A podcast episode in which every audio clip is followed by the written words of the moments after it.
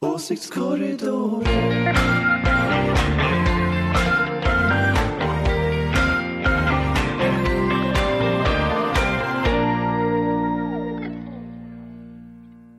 Det där var signaturen som lite vände mitt usla humör idag. Varmt välkomna till Åsiktskorridoren. Här är det varmt och skönt på gränsen till lite instängt. Eh, de som trängs här inne den här veckan är Aftonbladets ledarskribenter. Sveriges gladaste åsiktspoliser har jag kallat er. Ja, det ligger lite i det faktiskt. Irene Wennemo och Ja. Daniel Svedin. Hej, Vi ska hej. ta fram vårt mest polisiära humör. Ja, det utgår Ja. jag ifrån. Eh, Det är ju Aftonbladets ledarsida som står bakom eh, den här podden. Eh, Jag heter ju Karin Magnusson, jag har ingenting med er att göra.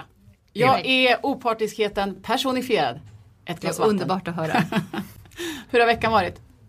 Eh, jo, det har varit bra. Jag har varit i Berlin på arbetstid. Och som alltid när jag har varit i Berlin så har det regnat. Så det var mindre bra. Men Berlin är ju ändå Berlin. Men där har du ju, eh, där har du ju början till ditt långa reportage. Ja. Det regnar i Berlin. Ja, det Ja. är en klassisk öppning. Irene, du har hållit ställningarna på redaktionen. Ja, verkligen. Mm. Det har varit ett hårt arbete. Ja, du har skrivit om Maud Olofsson bland Ja, annat. precis. Eh, Maud Olofsson vill inte komma till KU för att låta sig förhöras om Nuonaffären som mycket kortfattat kan sammanfattas. Statliga Vattenfall köpte 2009 holländska kraftbolaget Nuon. Ett köp som Svenska Dagbladet, våra kära kollegor, utnämnde till Sveriges sämsta köp någonsin. 97 miljarder kronor kostade och det är också den faktiskt största kontantaffären någonsin i Sveriges historia. Olofsson, hon har ju kallats till KU för att utfrågas om hur affären hanterades i regeringskansliet men hon vägrar. Eh, gör hon rätt, Irene Wennemo? Nej, absolut inte. Nej men det här är verkligen liksom, faktiskt helt skandalöst. Det har hänt en gång tidigare att en före detta minister vägrar komma och det var en opolitisk minister som ingen kommer ihåg namnet på. Det här är en vice, hon var Nu måste du säga namn. Reinhold Lavrén. Just det. Reidun. Reidun, du ser! Ja. Nu, Det här var nu. beviset Han på trodde att, att- var, att jag var, hade rätt Han trodde att hen var glömd, Ja. men det var hen inte. Hon var det tror jag att det sa. Ja, eh, men hon var vice statsminister Maud Olofsson, hon var partiledare och hon försöker då påstå att hon har, hon har inget att säga. Hon har glömt, eh, det var så länge sedan, hon precis kom ut med sina memoarer för övrigt, eh, där hon inte har glömt någonting. Men jag tycker, det där med att hon har svårt att minnas har jag faktiskt lite sympati för. Det har gått fem år, jag kommer knappt ihåg vad jag åt till middag igår. Nej men på något sätt är det, om du hade köpt något för 97 miljarder så, och det hade gått dåligt så kanske du hade kommit ihåg mer. Jag vet inte. Men, Ja. men, det, men det är faktiskt, alltså, även om hon inte minns så måste hon faktiskt komma dit och berätta vad hon minns och vad hon inte minns. Det kan Och också vara så att så här- någon gjorde en notering om Ja, det finns ju. Alltså i förra, förra året, då mindes hon. Det var en stackars centerpartist då som sitter i konstitutionsutskottet. Han hade uppenbart fått sina fiskar varma av Maud Olofsson och då försökte han förklara det här beteendet och då var det inte argumentet att hon inte mindes utan hon hade blivit så kränkt förra gången hon var i konstitutionsutskottet och blivit utfrågad om Saab-affären. Eh, och hon tyckte det var så politiserat. Och det är kanske, ja är det politiker som granskar den så kanske man får acceptera att det är en politiserad granskning. Men, men det verkar hon inte tåla. Man kan Men, ropa vet hut om man tycker att det blir dålig stämning. Ja det har vi sett också. Det var roligare förr faktiskt. men är, det- tycker du, Daniel, är det viktigt att hon kommer till KU? Ja men det är klart att det är det och det är på samma det som Irene är inne på att vi vill veta det här är den största kontantaffären Mm. i Sveriges historia. Vad var det som gick fel? Vad sades? Vad tänktes? Mm. Vad gjordes? Vad kommer, vad, kommer, vad kommer det här sluta någonstans då? Kommer hon dyka upp? Nej det kommer hon inte göra. Hon skickade ju ett till mail till konstitutionsutskottet. Det tycker jag är det roligaste lilla detaljen. Hon skickade till mail i veckan till konstitutionsutskottet. Hon berättade att jag tänker inte komma. Och så längst ner såg man skickat från min iPad. Det är så höjden av arrogans. Nej, Jag det hade kunnat soffan skickat från min skickat- iPhone och sen en ledsen smiley. Ja. Jag kommer inte. Det är, ju- så hade ju Filippa Reinfeldt gjort, hon hade bara lagt till en smiley. Hon har lagt upp på Instagram. Hörrni, eh, det är inte det enda som har hänt i veckan. Utbildningsminister Jan Björklund och regeringen vill ha betyg från årskurs 4 från 2017. Daniel Svedin, är det ett bra förslag? Nej, det tycker jag inte. Eh, jag vet inte riktigt vart jag står i betygsfrågan sådär supertydligt. Liksom. Eh, jag kan ju tycka att jag fick betyg första gången jag gick i åttan. Det tyckte jag var lagom. Eh, sen så verkar ju folk som har barn i sexan tycka att det är lagom att de får när de går i sexan. Eh, däremot så kan jag tycka att det här är ju inte ett förslag som egentligen handlar om något annat än att de borgerliga ska försöka ta tillbaka initiativet i skolfrågan som de har förlorat. Och de har ingenting annat än utredningar om la, eh, ordning och reda och så nu att man ska betygsätta barn tidigare. De är. Och det kommer inte hjälpa eh, skolraset. Eller omvända det. är du helt säker på det? Det kan ju inte du veta. För Nej, det kan jag inte Men eh, Irene, är det inte viktigt att eh, barn får reda på om de är bra eller dåliga? Ja, men alltså, om man själv har haft barn i skolan, speciellt om de inte är eh, strålande bra i alla ämnen, så vet ju barn om det. Det är faktiskt ingen brist på information. Man har utvecklingssamtal och som förälder sitter man med och får minsann lyssna på vad som inte fungerar och vad som fungerar. Alltså de har ju Barn har järnkoll på var de ligger i relation till de andra. Det som är bristen det är att, ja vad gör man åt det? Och då behöver man ju liksom föra samtal mellan föräldrar, elever och lärare om, om liksom vilka insatser som behövs, vad kan man göra hemifrån och så vidare. Eh, och det är det som är det viktiga. Det är inte ett informationsproblem. Men, men, men som jag, har- om jag har förstått saken rätt så ska betygen ges bara en gång per läsår i 4 och 5 och de ska inte delas ut i klassrummet utan skickas hem till föräldrarna. ja, Här, och sen ska man ta bort är inte de det här här en bra kompromiss? Man behöver inte visa sina kompisar i skolan. Jag tror Titta, att- jag fick bara Ja, nej men ja, det är precis, alltså de, de vet ju ändå om var de ligger. Det här är liksom inget som kommer som en blixt från klar himmel. Men jag tycker det verkligen är, är negativt att man tar bort de här, alltså, nu, nu har det, det kallas individuella utvecklingsplaner. Och det betyder att man, man möts på ett utvecklingssamtal och så pratar man igenom vad behöver man göra. Och det försvinner bort och det, jag menar jag, jag tycker det är faktiskt ganska obegripligt. Det har ändå varit ett Tror jag för alla de som ändå har, har elever som det inte går lysande bra för har det ju varit ett väldigt liksom, viktigt möte för att liksom bli överens om. Man, det räcker inte med en bokstav, man vill veta liksom, vad ska vi göra åt det. Men, Men- jag menar det här, är ju, det här handlar ju bara om att man liksom vill vinna pa- pa- partipolitiska poänger. Man tror att det här är populärt bland föräldrar. Och jag tror faktiskt att de har helt fel. Man märkte det på mottagandet. Det var ju väldigt svalt faktiskt. Mm. En kritik som har kommit också som är intressant är ju att när man sänkte betygsåldern så att man får när man går i årskurs 6 är att det inte har utvärderats vad som, om Mm. det faktiskt har gett någon effekt eller vad det har betytt. Och att man kastar sig liksom vidare till nästa lian och svingar sig vidare i den populistiska. Ska, ska man sammanfatta er hållning i det här så, så är det gör om och gör rätt.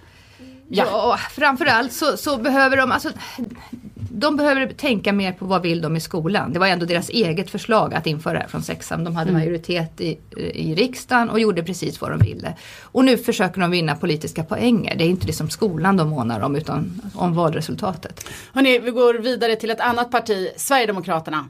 I veckan har Aftonbladet avslöjat hur Sverigedemokraternas Linus Bylund i en hemlig inspelning säger att han hatar topprofilen Kent Ekeroth. I en annan avlyssning så säger samma Bylund att Eh, han skulle vilja läcka lite information till media om en person som man vill ha bort. Den andra partikollegan Patrik En. Hörrni, det här att partier läcker om andra partier, det är ju inte så ovanligt. Eh, men, men att man läcker till media om varandra på det här sättet. Daniel, vad vill man? Det fanns en sån under Håkan Juholt-affären en, en detalj som jag minns att någon satt och smsade från verkställande utskottet till Niklas Svensson. Det var en sån, det tyckte jag var, nu har alla gränser passerats, det finns ingen Mm. lojalitet. Och så har vi då ett parti där man filmar varandra hela tiden för att Ja. hålla haka på varandra. Det är ju, det är bortom alla gränser. Men- jag skulle inte vilja vara aktiv i det partiet. Om, Nej, men, men, men, för det är det jag tänker, vad har man för liksom arbetsklimat? Ja, nej, men det är faktiskt en obegriplig miljö. Man, det, det är faktiskt enormt udda. Alltså just det här med att, att ja, jag tycker verkligen det där med mässandet eh, fr- från möten är liksom anmärkningsvärt nog. Men, men just det här med att, att filma och spela in varandra, det är ju verkligen sånt man bara gör när man har liksom i extremt misstroende situationer. När folk håller på att bli sparkade och så vidare. Men, men det här verkar liksom, det här sker hela tiden i det partiet. Det är ju ett parti som har rykte om sig att vara extremt toppstyrt och knutet kring de här figurerna kring eh, Jimmy Åkesson. Eh, att det är de som styr och ställer och gör vad de vill. Eh, och eh, det kanske är det enda sättet för vad ska man säga, människor i positioner under de fyras gäng att skaffa sig förhandlingsfördelar. Finns det något bra Irene med att avlyssna varandra? Ska vi vända på det? Finns det någonting positivt med det här? Man kan säga att det är i alla fall lätt nu för tiden för vi har tekniken i våra fickor via vår mobiltelefon. Daniel, nej, men det, nej men det, ja det är det ju för sig. Alltså det kommer ju ut en massa intressant information. Eh, men, men det är ju väldigt märkligt, alltså det säger ju något om ett klimat i ett parti när man inte har någon slags förtroende för varandra. För det är ju bara i förtro- det är ju bara när det är riktigt bristande förtroende normala människor tar till sånt här. Eller så är de, eh, Inte Ja. normala människor. nej precis, så oklart vad som gäller i det här fallet. Men Hörrni, vi ska faktiskt börja runda av. Vi ska släppa in våra vänner i kommentarsfältet. Men Daniel, om du skulle avlyssna någon på din redaktion, vem skulle du avlyssna då? Ja, det skulle väl bli chefen ändå. Det vore väl intressant att se vad hon säger om mig. Egentligen. Ja. På redaktionsmötena, de där hemliga. Ja, precis. just det. Ja. Snart vet du i alla fall vad våra eh, kommentarsfältstyckare eh, tyckare tycker om Karins text. För det är faktiskt Karin Pettersson som ska bli opponerad på. Hörni, Det ser vi fram emot. ja det ska bli jättespännande. Ja, verkligen. och det var roligt att prata med er, Irene och Daniel. Nu släpper vi loss kommentarsfältet.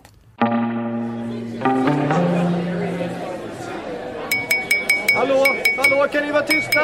Hallå, det är dags för kommentarsfältet.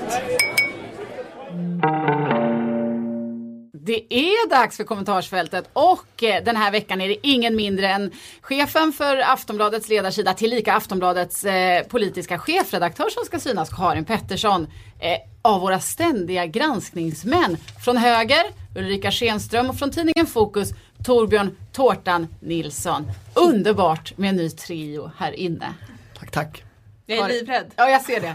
Vi börjar, vi, börjar, vi börjar med dig Karin. Hur känns det? Du är liksom lite blek. Du brukar alltid ha så här färg på Paniken. kinderna. Du är lite blek idag. jag är stel, jag är blek. Jag har ju skickat fram eh, fotsoldaterna här nu i två omgångar och eh, jag är skitskraj. Torbjörn, Karin var ju din chef en gång i tiden på Fokus. Brukade du opponera på hennes texter då? Eh, Det hände absolut. Hur tar hon kritik?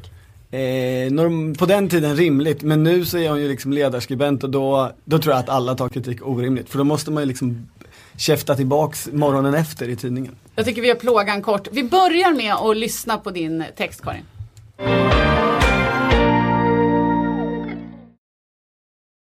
De flesta har nog varit där, eller åtminstone sett beteendet på nära håll. Jag talar om den där personen i ett dåligt förhållande som innerst inne vill göra slut men inte orkar. Som genom att bete sig uselt till slut tvingar sin partner att ta steget. Det känns som om Anders Borg håller på att bli den killen. Anders Borg har levt i en harmonisk kärleksrelation med de svenska väljarna i sju år. De har älskat honom, han har älskat dem tillbaka. Utifrån sett har man inte alltid förstått varför men så är det ju med relationer. Nu är det som om Anders Borg inte bryr sig längre. Han verkar ha tankarna på annat håll. Han lyssnar inte på vad väljarna säger. Det är som om han vill bort, ut. Det är viktigt att kunna lita på någon och man ska ha det bra tillsammans. Nu är det hela tiden nya bud från Borg. Ena dagen vill han ha mer pengar till ubåtar. Andra dagen vill han ha höjd skatt på sprit. Men bara för ett litet tag sedan sa han ju precis tvärtom. Vad vill han egentligen? Vad är viktigt för honom? Sånt är också viktigt i en relation. Det värsta tecknet på att Borg är på väg bort är kanske att han har börjat leta fel hos sina kärnväljare. I veckan till exempel. Då talade Anders Borg på en träff med folk från bank och finansvärlden som tidningen Affärsvärlden ordnade. Man kan säga att han hade bestämt träff med väljargrupper från en tidigare relation. Helt plötsligt började Borg häva ur sig elaka saker om sina nuvarande väljare. Det var som om man inte trodde att de skulle få reda på det. Men självklart fanns det en gemensam bekant där med bandspelare och anteckningsblock. Det var inte bara vad Anders Borg sa om lärarna. Det var hur han sa det. Citat. Det går inte att känna mattetalen. Man kan inte samtala sig till ett deriveringsresultat. Man kan inte uppleva en andra grads ekvation. Det hjälper inte om hela gruppen håller varandra i händerna och känner tillsammans. Man hittar ändå inte svaret på Wikipedia. Slutcitat. Sa Borg och anklagade den svenska lärarkåren för att syssla med citat osedvanligt dålig pedagogik. Slut citat. Nej, så pratar man faktiskt inte om väljargrupper som givit en sin röst och litar på en. Framförallt går man inte bakom ryggen på någon med ett sånt budskap. Inte konstigt att lärarna blev arga tillbaka. Det är nog i själva verket ett sundhetstecken. Som rektorn och läraren Ingela Netz skrev i ett besviket svar, citat. Nu låser jag min dörr och väntar tills du och dina makthavarkompisar kan uppvisa ett acceptabelt beteende. Slut citat. I amerikanska filmer kallas det här för the seven year itch. Det är den leda som uppstår i en relation efter sju år. Spänningen är borta, förälskelsefasen är över.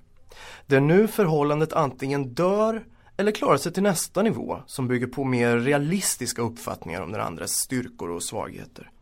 Jag är verkligen ingen relationsexpert, men en sak har jag lärt mig den hårda vägen. Ibland är det lättare att skiljas åt än att fortsätta i ett förhållande som egentligen redan tagit slut. Ja, där tackar vi Martin Söderström för en fantastisk inläsning. Så här är det, jag hade tänkt att börja med Torbjörn Nilsson, Torbjörn Tårtan Nilsson för en stilistisk reflektion. Men eftersom Ulrika Schenström håller på att skratta ihjäl sig och är precis röd i liksom hela ansiktet. Ulrika, bara först en kort, eh, bara ett kort, vad, vad känner du? Jag bara känner att det känns som liksom så här, Karin tror att hon ska bli lämnad av Anders. Det är så liksom du måste förekomma honom på något sätt. Du känner dig liksom som en så här förbittrad flickvän som inte har fått nej, uppmärksamhet men du känner på länge. hur sann den här metaforen Det är. är liksom så här, det sitter djupt Ja, liksom. du känner hur sann den är, hur stark den här bilden är. Så glad för det. Nej, jag Men, tror men det var faktiskt det jag tänkte börja med. Torbjörn, du får ju stå för den liksom mer stilistiska reflektionen här. Vad tycker du om den här liknelsen mellan Anders Borgs förhållande till väljarna och en dåligt kärleksförhållande som är på väg att ta Alltså slut? först så är jag med men sen snurras jag bort eller snurrar bort mig själv. Alltså först och främst är det ju, det är ju frågan om någon slags månggifte här. Alltså Anders Borg med samtliga av hans väljare. Man undrar, har han snackat med Annie Lööf om, om detta månggifte? Och sen så är det någonting med några olika grupper, alltså affärsvärldens läsare och lärarna. Så jag hänger inte alls med på den här att han går bakom ryggen. Men till slut fattar jag, särskilt efter den här fina pedagogiska uppläsningen. Men språkligt så tycker jag ju, och i metaforerna, att den här stackars Ingela Nets är mest intressant. För hon ska alltså låsa, det är ju inte du som har skrivit utan det är ju Ingela som har sagt. Hon ska alltså låsa dörren om sig och vänta där tills Anders Borg och hans makthavarkompisar kan uppvisa ett acceptabelt beteende. Ja, alltså hon kommer ju få själv? sitta till döddagar, Ja, det är det är jättejobbigt. sorgligt. Ja men det är sorgligt. Jag tycker vi alla enas om det. Men Det Karin, är var, var, det lite, var det lite många relationer inblandade? Eller hur tänkte du när du skrev texten? Nej men jag tänkte eh, på det som eh, gav mig den här idén, det var ju just eh, inte vad Anders Borg exakt sa, utan faktiskt hur han sa det på den här, mm han var på en dag Riktigt kvinnligt förbittrat Ja, kvinnligt förbyte. Nu ska jag säga att jag och Anders Borg, vi har ju aldrig haft någon relation utan jag är mer den här kompisen som står vid sidan av och känner liksom hur behandlar han min kompis egentligen? Är det här riktigt okej eller inte? Jag har ju ändå många väl, äh, vänner som röstar borgerligt. Och eh, då att liksom prata så här, det är så jäkla, han är så taskig, han är så hånfull, han är så elak.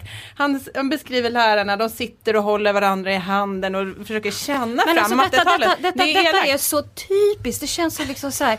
Det är så här, sossarna har varit så förblindade av Anders Borg. Denna myt som ni nästan själva har byggt liksom av att ni liksom, vem är han?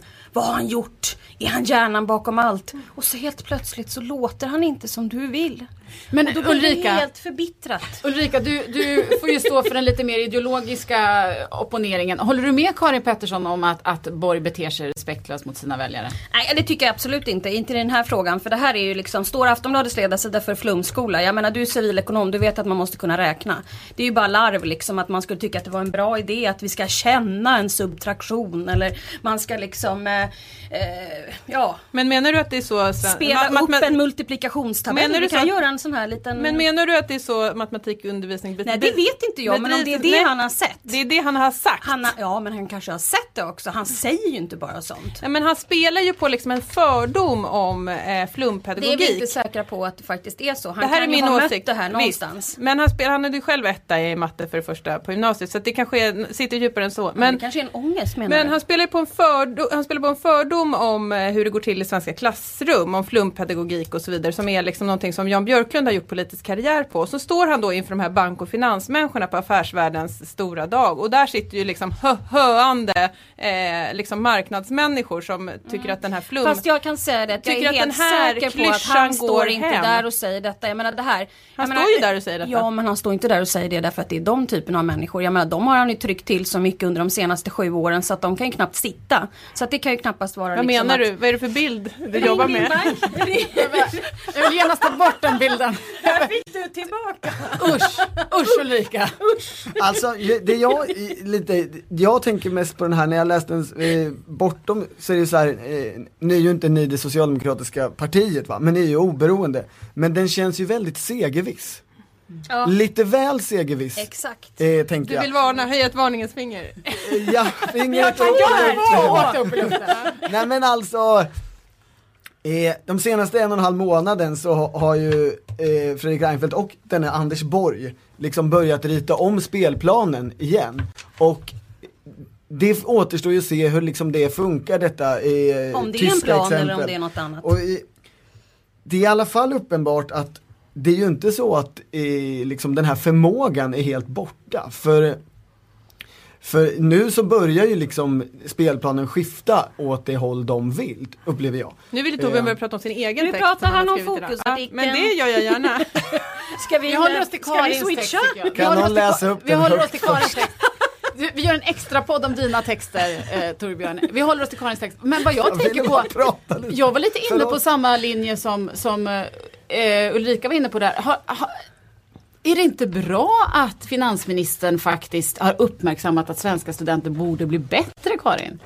Jo, men jo, det är bra och liksom att svenska skolan är i kris, det vet vi alla. Men vad, vad det, jag tycker också faktiskt att det här säger någonting lite grann om ledarskap. Alltså hur skapar man motivation hos en stor och viktig yrkes, yrkesgrupp som eh, liksom, nu har vi ägnat sju års tid åt att prata om hur illa det är i skolan. De som ska göra jobbet om det ska bli gjort, det är ju de här lärarna som är i klassrummet. Och vad Anders Borg gör, han motiverar ju inte lärarna genom att prata om dem så här. Han hånar han- dem och han trycker till dem. Och jag, tycker det är säger- dåligt jag, ledarskap. Ja, fast jag är inte alls säker på att han hånar dem. Han kan ha träffat på det där. Jag tycker att det är rätt bra om barnen liksom lär sig räkna. Men tror du att de saker. blir bättre, att de skärper till sig genom att Anders Borg står och, på en bank och finansdag och säger att de sitter i ring Nej och men han kan eh, flummar knappast, runt? men han kan knappast anta någon annan linje. Så då vet vi att det är Aftonbladets ledarsidas linje att vi tar flum som liksom exempel på hur man ska börja räkna.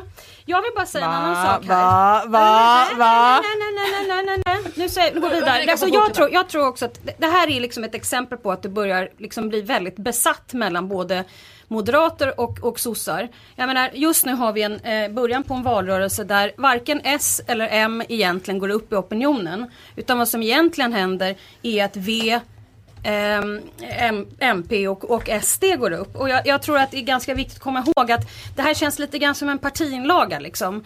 Det, det är lite sådär du vet, och jag, jag håller med eh, Torbjörn där lite grann, att jag, lite med ett varningens tecken att det, man kanske inte ska fokusera så osannolikt mycket på honom just nu som man faktiskt gör utan kanske fokusera lite grann på vad socialdemokratin kan leverera för typ av skolexempel. Nej, men jag kan hålla med om det och jag kan väl säga i och för sig, jag är ju själv liksom besatt av Anders Borg av lite olika skäl och eh, Nu sa hon det äntligen. det är verkligen sant, det är verkligen sant. Men jag ska också säga att vi har inte skrivit speciellt mycket om honom alls på sista tiden. Eh, men det här kunde jag liksom inte motstå. Hörrni, jag måste bara fråga, vad, var består din besatthet av Anders Borg?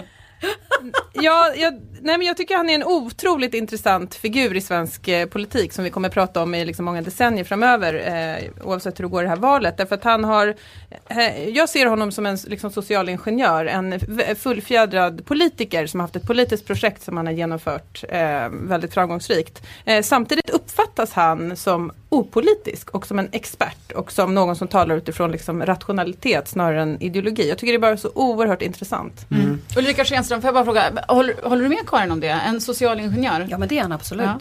Det är- Absolut. Men jag skulle nog säga att han är mer politiker än vad jag tror, jag tror att folk förstår. Han är ju uppvuxen i politiken. Tårtan vill in. Ja, jag, alltså, det här där är, tårtan. Ja, Okej, vi, nu, Jag orkar vi, vi tar bara en liten parentes här. Torbjörn Nilsson har ett smeknamn som är Tårtan. Och jag kommer alltid eh, relatera till dig som Tårtan. Du är Tårtan. Jag vet inte vart det här namnet kommer ifrån, men du kommer alltid vara Tårtan för mig. du är, Så. feel free. Vi, får Eh, inga, vi får inga sådana där. Nej. Nej, ni, ni är Ankan och Kakan. Ankan, Kakan och Tårtan. Tårtan, varsågod. Eh, så här, alltså med just Anders Borg så finns det någonting fascinerande i den här tycker jag och hans relation, alltså Fredrik Reinfeldts och Anders Borgs relation, hur överens är de och sånt där. Fredrik Reinfeldt har ju hållit många tal på temat samhällsbärarna. Och då är det ju, då är det ju tandsköterskan och det är eh, brandmannen eh, och det är läraren och det är ett antal liksom yrkeskategorier som är fina och bär vårt land. Och där är det lite intressant här, för eh, en av de där yrkeskategorierna brukar ju verkligen vara lärarna. Och det är ju inte direkt i alla fall, jag fattar att om du hävdar Ulrika att han inte vill hoppa Nej, men- på lärarna men han vill ju inte kalla dem samhällsbär och, och liksom säga "Yeah, Men nu tycker jag ni nu går lite långt. Han har väl och varit fina." någonstans och upplevt det här och sen så säger han väl att han tycker inte man kan gå tillväga på det Ja sättet. men om det är så ut. då Ulrika, han har varit någonstans han, det och, och, jättebra han, och han- har sett det här och han känner det här och sen så står han med den här typen av extremt svepande formuleringar. Dömer att ut en hel yrkeskår som som sagt den här regeringen Han dömer väl inte borde- ut en hel Gör han inte? yrkeskår? Du hörde väl texten? Du har väl läst texten? Åh Karin! Nu har du sånt där von oben attityd Härskarteknik är inte mig nu. Karin börjar härska lite här inne. Hörrni, vi ska faktiskt börja avrunda här. Men eh, mitt intryck är i alla fall att helt dålig text kan inte det här ha varit om det var så att ni blev så engagerade Ulrika Schenström. Nej men det är klart att den är liksom roligt skriven men det är ju liksom innehållsmässigt, ja. Bra skriven men innehållsmässigt blaha, vad säger du? Är det tvärtom eller är, det, är hon helt rätt på det? Jag ajournerar mig helst för att liksom Ja, det blir så jobbigt sen. Hörrni, eh, Karin, eh, snabbt bara innan vi lämnar plats för våra vänner från politism. Så fegt. Ja. Eh, vad, hur, hur blev hur kändes det? Eh, nej men jag känner att jag hade mycket, mycket mer som jag hade kunnat säga. Ja, du får komma tillbaka. Hörrni, det har blivit dags för Margret och eh, eh, Erik ifrån Politism. Ordet med politism.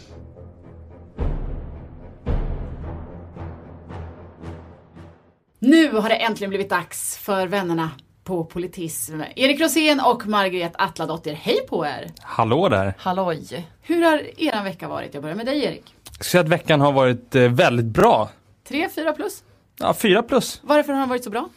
Eh, ja, för varit så bra. Det börjar bli vår, vi har bra texter, det börjar bli lite konflikt i politiken, lite, lite här och där. Och, Mm. Mm. Och sen har ju Gwyneth Paltrow och Chris Martin skilt sig. Ja, Margret, eh, vi har inte riktigt fått tillfälle att prata om det här tidigare i programmet idag, i podden, men jag blev, jag blev engagerad i det här. ja men man blir, jag blir alltid engagerad i när liksom kändisar gör slut. Jag, jag tycker det är jätte, jättejobbigt. Mm. Men jag, och jag tänker också Varför då? På, nej men eh, det är sorgligt när folk är slut. Jag tycker alla ska vara ihop. Men var inte de världens tråkigaste par? Jo men en, en sak Fast det var ju också därför som man trodde att de skulle vara ihop Ja. länge.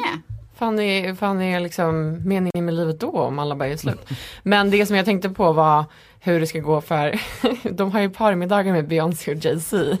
Och Det- är det slut med Då dem måste ju de välja sida. Ja, men det Chris här eller är-. Det får sådana oanade konsekvenser. Jag måste bara säga en sak om det här. Eh, jo men det är också lite så att man alltid är förtjust i amerikaner som förälskar sig i europeer. Ja, det är Och då man. tänker man att det är på riktigt, Ja. eller hur? Om de är beredda att ta det här steget över Atlanten Ja, och- för eh, ja. kärleken. Jag håller med och också jag gillar när det inte är liksom riktigt samma bransch, alltså skådis och musiker, alltså det, ja jag vet inte. Det gick ju bra för Madonna och Guy Ritchie. Men han var ju regissör. Hörni, vi ska kasta oss in i eh, eran ordvecka. Vad är veckans ord? Veckans ord är skolblockad. Och därför att? Det är helt enkelt för att eh, när, när eh, den skolblockad som, som uppstod eller anordnades när SDU bjöds in till globala gymnasiet i Stockholm för att hålla bokbord, ska jag säga, inte bokbål som jag höll på att säga förut.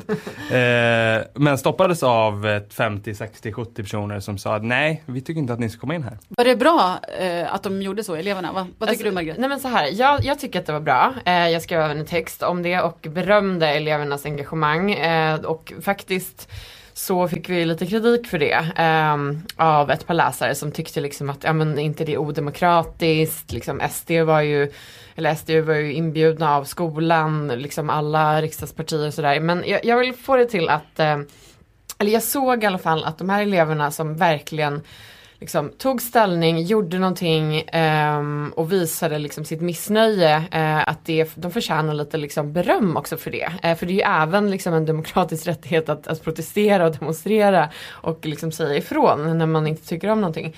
Så att jag, jag vill få det till att det var bra, bra gjort och bra jobbat av de här eleverna. Men, k- men kommer vi inte få problem om man bara stänger ute de som mm, vars åsikter man inte gillar, politiska motståndare, istället för att man faktiskt bemöter människor med argument? Erik? Jo, det kommer vi få. Eh, och och en, en skola kan ju inte säga så ja alla är välkomna utom Sverigedemokraterna. Det vore ju i princip olagligt om de gjorde det. Men att elever protesterar, det är ju ett, ett av de demokratiska verktygen också, ska man inte glömma.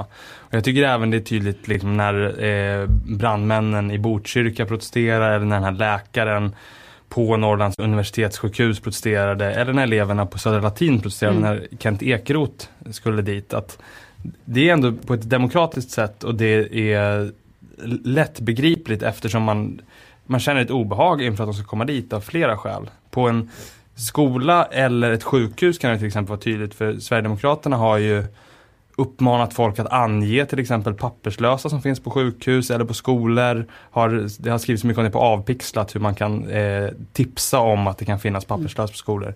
Det vet vi ju inte om det kanske fanns på den här skolan till exempel. Men, låter man inte ST med det här sätta på sig en ganska mjuk och behaglig offerkofta? Jag tänker, vinner de inte mycket sympatier på det här att människor stänger dem ute, Margret? Jo men det tror jag. Eh, det är ju liksom det återkommande problemet med ST. Um, ehm, hela liksom martyrgrejen. Men jag, alltså jag vill ändå liksom att fokus här ska vara och varför vi valde liksom just skolblockad som ord. Är ju liksom, det hör ju lite ungdomen till. Att liksom att organisera sig tillsammans och vara sådär liksom politiskt naiv. Liksom att så här, men det, spelar, det spelar ingen roll vad det får för konsekvenser. Liksom. Ja det kanske vore bättre med, med en debatt där, liksom, där man skulle ställa sta, sansade frågor.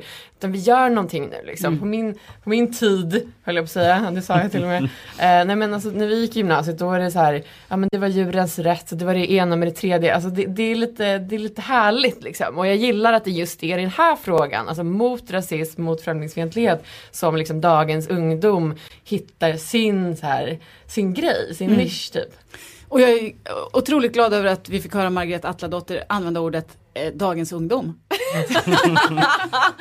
Förlåt, jag ska Hörrni, göra det mer. det här är inte det enda som har eh, hänt i veckan. Eh, PK-granskningsnämnden eh, ska rycka ut nu också och utnämna veckans förlorare i kvällstidningskampen. Det handlar helt enkelt om vilken av kvällstidningarna som i bild och text på sin första sida gjort den muggigaste framställningen av kvinnor.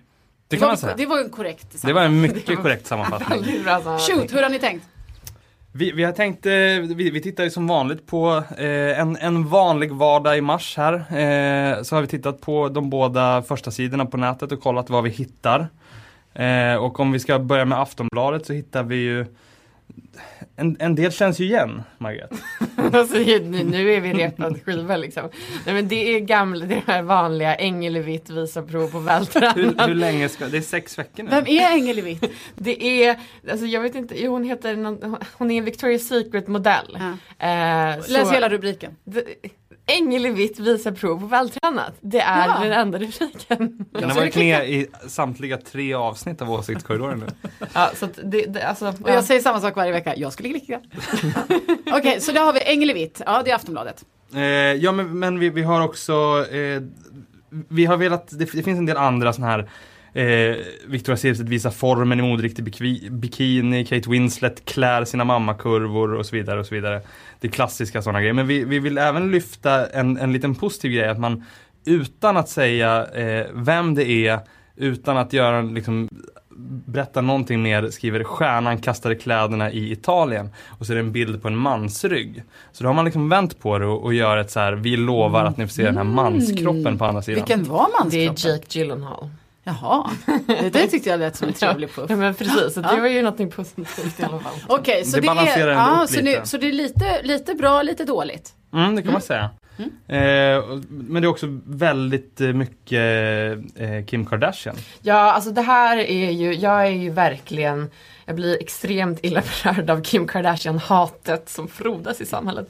Ehm, och så här, i- snackisen i liksom Hollywood ehm, och i modevärlden den här veckan har ju varit att Kim och Kanye eh, Kim och Kanye West eh, pryder Vogues aprilomslag. Detta har upprört massorna, ska ni Här- ha klart för er. Du, du, jag, jag har ju då uppenbarligen legat under en sten Ja. för att jag vet inte vad det här handlar Nej. om. Vad, vad har de fått kritik för? Nej men alltså det, det, ja, att de ens är på omslaget. Och Ah, det är jätte... Att de Ja, ja. finns i princip. Och, Okej. och, och Aftonbladet väljer att liksom puffa den här nyheten så här. Kims katastrofomslag. Kim-gate. Kändiskollegorna i raseriutbrott.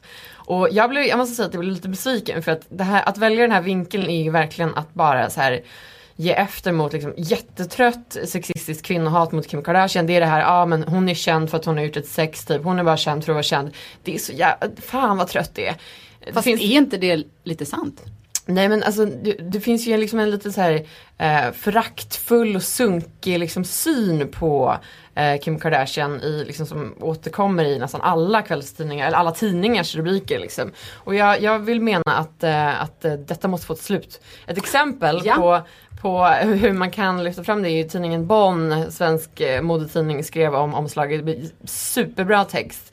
Eh, där de liksom analyserade egentligen eh, liksom krafterna bakom det här Kim Kardashian och Kanye West-hatet och kom fram till att ja, det är klassisk kvinnohat och rasism som liksom uttrycker sig eh, i många utav liksom rubrikerna. Nu får ni faktiskt gå över till Expressen. Yes. Ja, nu går vi över till Expressen och där hittar vi eh, e- egentligen, det började så bra för att vi tänkte att de, de har betydligt färre puffar här den här veckan som fokuserar på kvinnor på ett eh, sunkigt sätt.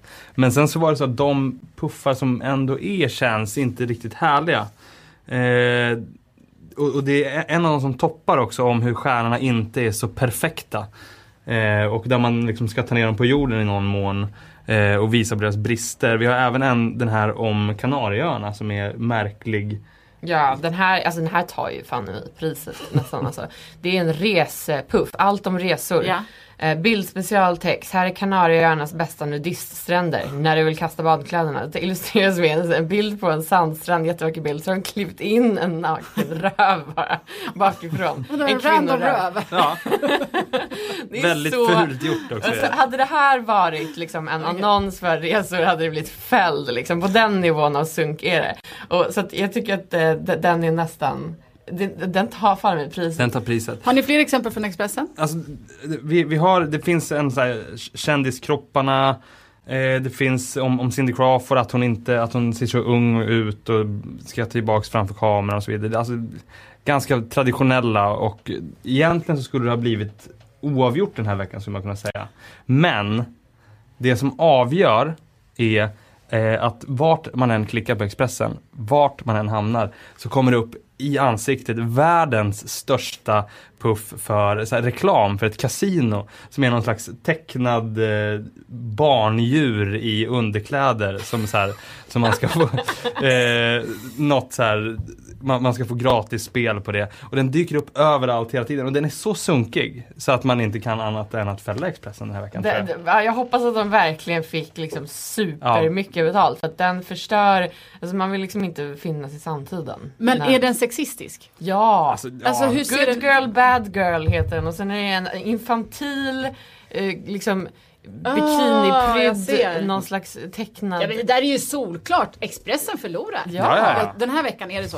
Hörni, men eh, vi får se. Det, näst, nästa gång vi ses så är, är det vi som har eh, klantat oss. Så, eh, tusen tack Erik, tusen tack eh, Margret också. Och eh, Åsiktskorridoren sätter punkt för den här veckan. Patrik Syk var det som producerade, Karin Magnusson heter jag. Vi är tillbaka om ungefär två veckor. Håll utkik. Åsiktskorridoren